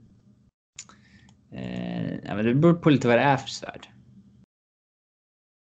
Jag såg någon jävla bild på det någonstans. Montreal Canadiens Shea Weber och Sor. Sword of Weber.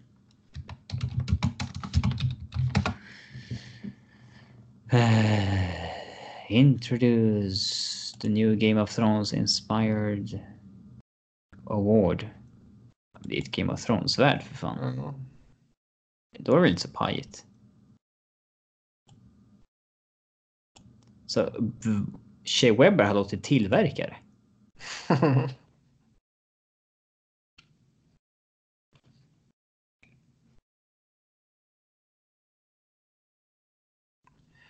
Det var, ja. Men svärd är ju fan lustigt alltså. Hur får de med det på roadtripsen genom security och sånt där? ja. Ja. Eh, han kanske har, tar det som handbagage. Det är väl en grej att man ska ha någon jävla ploj. Det ska, det ska vara någon, eh, någon hatt från lokala brandstationen för att hylla dem. Liksom. Eller det ska vara någon eh, grej som är skänkt av någon cancersjuk unge eller något sånt här. Liksom. Ja. Eh, Det, kän, det känns ju som att det mer är för tv-kamerorna. Liksom. Det ska vara något roligt att visa upp. Ja, lite konstig tradition allmänt. Att det ska vara någonting som går. Jo, jo. Jag tror de flesta spelarna skulle bli gladare över bonus på lönen. Jaha. Ehm, hur långt kan ett Edmonton hålla i en relativt svag Pacific Division? Och hur länge håller Buffalo? Är det dags för dessa två lag att äntligen lyfta efter lång väntan eller kommer de snart börja tappa igen? Ja, vi har redan snackat om det. Vad fan. Ja, jag vet inte om vi har så värst mycket nytt att säga där va? Det är klart att Edmonton kan hålla hela vägen när de har Conor McDavid. Eh, Buffalo, ja, men de kan komma 3 och 27. Det... Jag, jag, tror, jag tror väl dock alltså i, längden tror jag att andra lag kommer att placera sig före Edmonton. Ja, det, kommer men alltid, det, sagt... det är alltid några lag som överraskar en säsong och liksom har medstuds. Och jo, men med det sagt så tror jag absolut att McDavid och Dreisaitl kan bära laget till, till en topp 3-position. Absolut. Oh, han det höjder. Ja. Buffalo är väl mer liksom att de ska komma före Boston, Toronto och Tampa känns ju osannolikt. Mm. Ja, visst. Eh, varför var LA så sjukt bleka i nattens match mot Keynes? Den matchen såg jag inte, så det vågar jag inte svara på. Däremot noterade jag att uh, Tobias Björnfot satt på läktaren för tredje matchen i rad. Ja, han var så jävla hypad under preseason. Han var hypad under de första matcherna och sen blev han petad och så sägs det inte ett pip om honom. Jag lyssnade på Kings of the Podcast med John Hoven och eh, någon mer snubbe. Mm. De spekulerade i att det verkar som att Kings är inte så säkra på att Tobbe Björnfot eh, kommer få spela så mycket i Djurgården. Alltså? Han, gjorde, han fick ju bara sju matcher i fjol. Var mm. back nummer 9-8 liksom. Eh, och ja, man har fått tillbaka Marcus Högström och Jason Garrison ansluter snart och så vidare. Att man funderar på att spela honom nio matcher, men att dra ut på dem ända fram till JVM. Vad helvete. Att han liksom spelar två, vila tre. Spelar två. Vila tre. Spela en. Kanske liksom klämmer in en sån här conditioning stint i AHL där. Och... Mm. Alltså, jag hade läst att... Kan, kan det vara liksom... Det låter ju på ett sätt liksom men vad fan, liksom, vad håller ni på med? Men Alltså man, man, kan inte skicka hem, man kan inte skicka hem honom till Djurgården och sen att han spelar i liksom J20. Nej, nej, men det skulle han inte göra. Alltså han var så imponerande på försäsongen att det liksom var uppenbart att han kommer få en stor roll för Djurgården i år. Eh, ja, visst måste det vara. Ja, och eh, det är många backar som inte har varit så bra i Djurgården hittills också. Som, nej, men han skulle få det. Eh, det är inget konstigt med det, men Behöver det vara en jättedålig idé att eventuellt göra så där som jag sa? Alltså liksom att han spelar en match i veckan. Det är väl ganska många yngre spelare som spelar en match i veckan. Är det liksom, är det så dåligt? Men det känns ju också så här att hålla spelare i en limbo av att han inte ska få komma igång någonstans. Är det bra? Alltså jag hade ju... Jag hade inte läst det här att de var oroliga över att uh, han inte skulle platsa. Däremot hade jag läst uh, att de, uh, men det var väl baserat på samma snack då kanske, att, att de typ vill att han ska spela i Nordamerika istället för i, i Sverige. Mm. Då blir det en helt annan argumentation för då kan man ju sälja in det här med att han ska anpassa sig till en liten rink och bla bla bla. Eh, men det här att hålla han uppe i NHL och dra ut på skiten, det känns ju... Det är väl för att han är i första rundsval. Om han skickas ner till AHL, då måste de väl låna ut honom eller något sånt där. Det är någon. Det är någon jävla regel som är att om en spelare.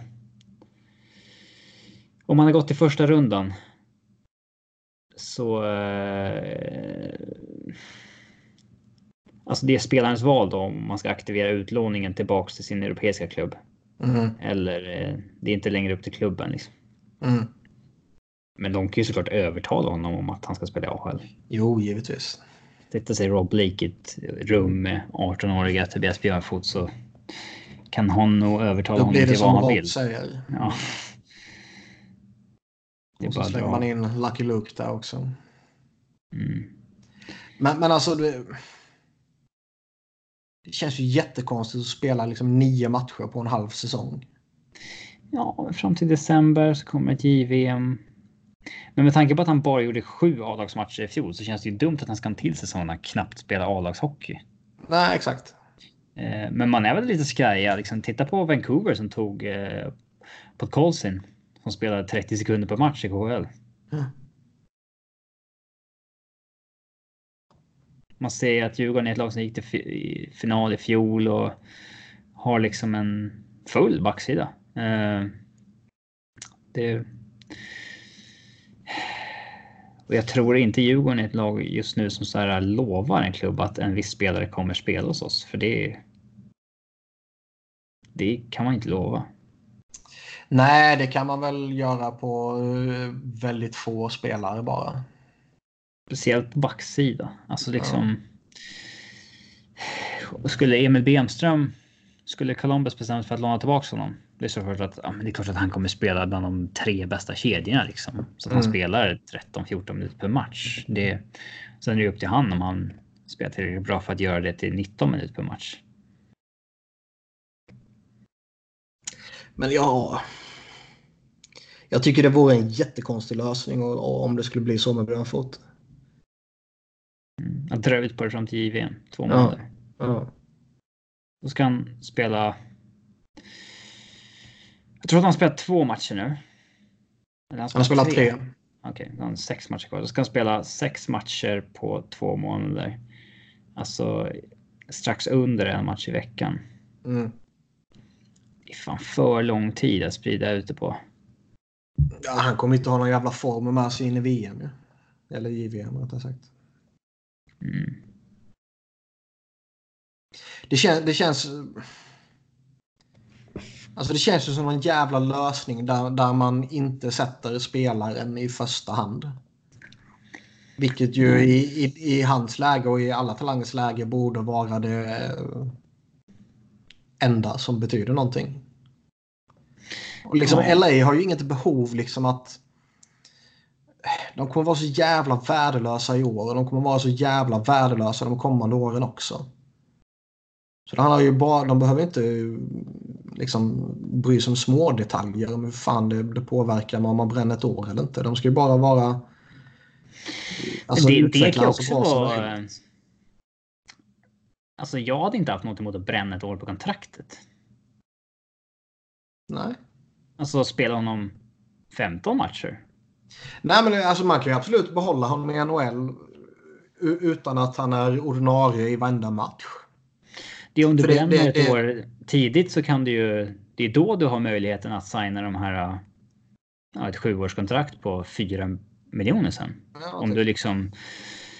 Eh, ja, men det är Om du liksom. Ja.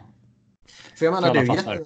Ja, nej. Men det, det, är ju jättevanligt, känns det som att det är jättevanligt i alla fall att, eh, att många unga spelare inte är redo för 82 matcher lång NHL-säsong och vara bra i alla 82. Så att mjukstarta lite, eh, i synnerhet när man kommer från den bakgrunden som, som han kommer ifrån och inte har spelat alltså ens en SHL-säsong. Mm. Det är väl fair. Alltså nio matcher åt helvete för lite ju. Nu har han suttit på läktaren tre matcher. Det är också det är verkligen waste of time. Ja, det är ju helt värdelöst. När de bara liksom eh, eh, velar kring hur de ska göra. Mm. Känns ju väldigt eh, illa. Hmm. Verkligen. Eh, är det redan några av nästa sommars UFAs som man ska börja oroa sig över? Oroa sig Alltså... Typ att de ska lämna gissar jag.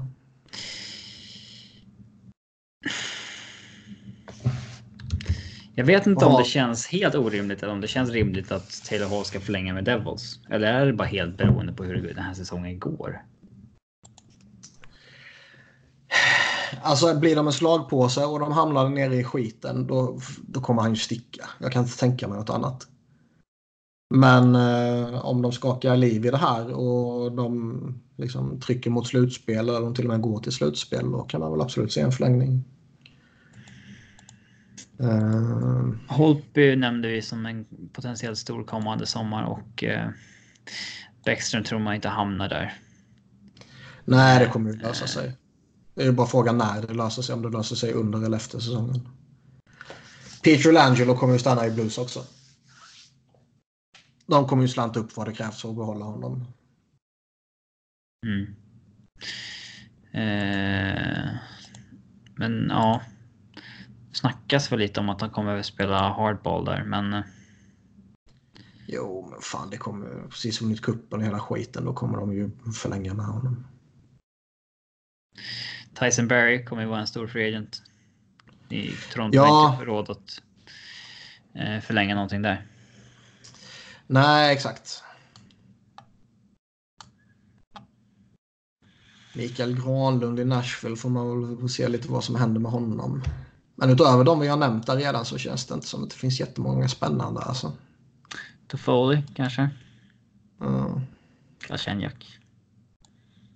Ja, det är sant. Eller han är... Nej. Nej, UFA. Mm. Mike Hoffman i och för sig. Han är fan smågammal också, 30 bast nu. Ja, han kom ju upp sent. Han var ju på waivers en vända där innan. Ja. Det var ingen som tog honom när han, var, när han kom fram där i Ottawa. Nej, Vi tar Foley lite hetare. Roman Josi, men där är- känns det också ungefär 0 chans att han tar sig till marknaden. Ja. Tory Krug kan ju eventuellt... Ja, där snackas ju lite om Detroit och sådär. Eh, hem till eh, Michigan. Och att eh, ja, men det är inte där Boston ska lägga pengarna. Det är ju på McAvoy liksom. Eh, eh, så att... Eh, och det är ju rätt. Alltså. Krug är ju... Det är ju... Det är ingen monsterback liksom. Han har ju sina... Han är ju duktig, men alltså... Ska du ge honom ett sjuårskontrakt på typ 6,5. Det kan du ju få ångra. Ja, det är helt klart. Annars var det väl inte så jättemycket spännande. Sami Vatanen känns ju sådär liksom. Den hypen har dött lite. Den har dött ut helt och hållet skulle jag säga. TJ Brody kan säkert skaka fram ett kontrakt men det är ju inte jättespännande. Chris Kreider är väl lite intressant i och för sig. Mm. Det blir Men kommer det vara det här där, jobbiga läget av att det är en väldigt bra spelare men ja, herregud att ge honom mer än 4-5 år. Mm. Mm. Spelare som lever på sin fysik också, inte liksom hockey smartness. Det, eh, Dadonov också. mm. Och nästa sommar går Johan Franzéns kontrakt äntligen ut. Hmm. Ja, de påverkar dock inte laget direkt. Nej, nej, men eh, det känns som att det var typ åtta år sedan han slutade. Ja, Eh, ja, utöver det finns det inte jättemånga roliga namn i alla fall. Joe Thornton, Zdeno Chara. Eh, vi tar den sista här. Ni skulle faktiskt kunna utöka punchable-frågan till årets rookie och all-star team. Eh, det går ju att köra fulla awards med coach över sina också. Sen även köra varsin historisk spelare. Måste hålla Bobby Clark högt upp på den listan. alltså bara punchable. Eh, Ja. ja. Den, Vil- vilken coach har mest punchable face?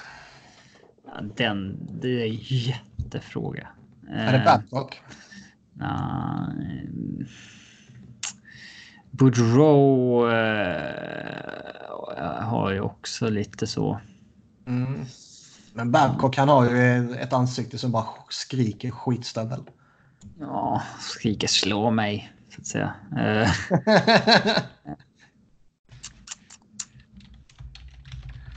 har vi mer? Joel Quenville tycker man ju illa om efter att han uh, nobbade Flyers. ja, men han. Det, det har ju ingenting med personligheten att göra. Det bara Jag ska ju vara.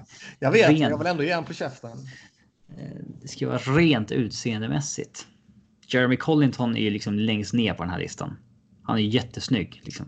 Där vill man inte stöka till det. Jeremy Collington har least punchable face i, eh, i ligan. Mm. Uh, uh, när man skulle behöva ta en vecka och ha liksom penna och papper på sig. Och så fort man liksom kommer på uh, skriva upp vad det blir. Har du någon historisk spelare på rak arm så här? Uh, ja, man förstår ju vad jag menar med Bobby Clark. Uh, Mike Ritchie.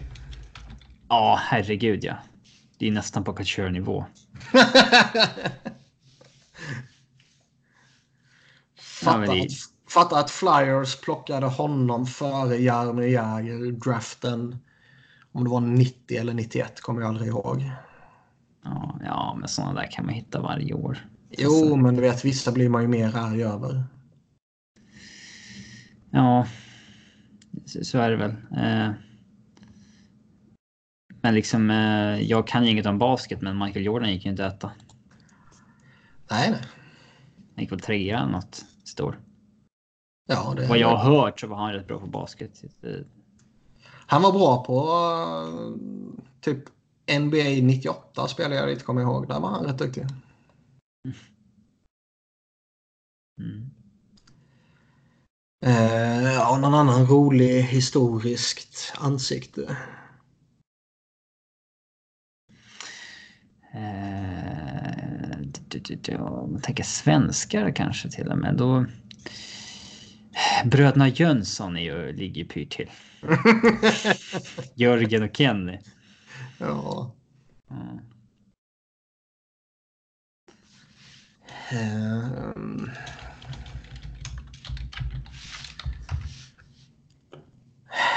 Fan, finns det mer?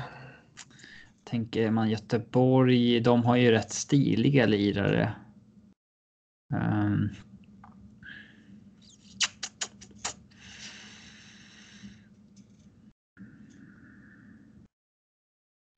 Är Salming punchable? Nej.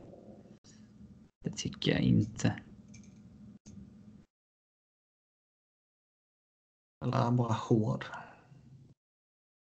Mm. Det här är en twist. En, en ung Peter Forsberg, ja. En vuxen Peter Forsberg, nej. ja, den kan Du vet den här bilden när han liksom inte har något skägg överhuvudtaget och åker runt i Quebec. Då ja, har han riktigt punchable face. Rödlätta kinderna. Ja, exakt. Men absolut inte när han har sitt lilla skägg och eh, liksom är vuxen. Mm. Man kan liksom växa ur ett punchable face. Det har inte Logan Couture gjort. Nej. Joel Lundqvist, men inte Henke Lundqvist. Det är mera med Joel. Ja. Eh, han har ju mycket nitlotter i livet, Joel. han lever ju ändå ett gott liv, men... Eh, men han har inte tjänat ja. 100 miljoner dollar som Henke har gjort. Mm, nej, och, nu fick han ju väl lite med i schamporeklamerna där på ett hörn, men... Eh, mm. Eh, Henke har pengarna och utseendet.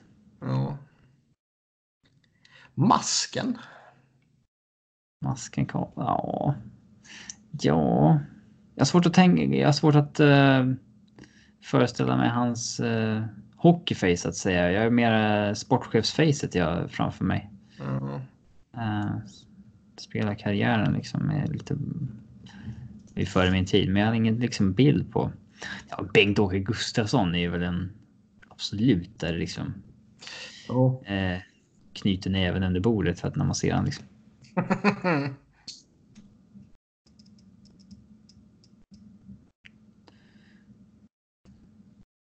ja, där fick vi ändå några roliga. Mm.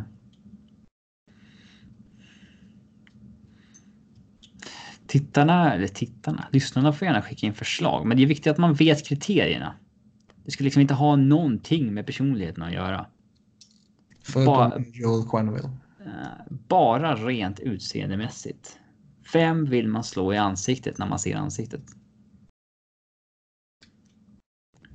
Ja, kommer Tänk, tips. Logan, Logan Couture är ju den bästa spelaren för att förklara vad man menar. Titta bara på honom så ser ni. Ja, det ska inte behöva förklaras mer än med en bild på honom. Mm. Kanske ska ta det här varje år när vi liksom tar liksom rookie eh, årets draft class. Så liksom, vi gör en draft baserat på spelet och en draft på resten. ja, varför inte?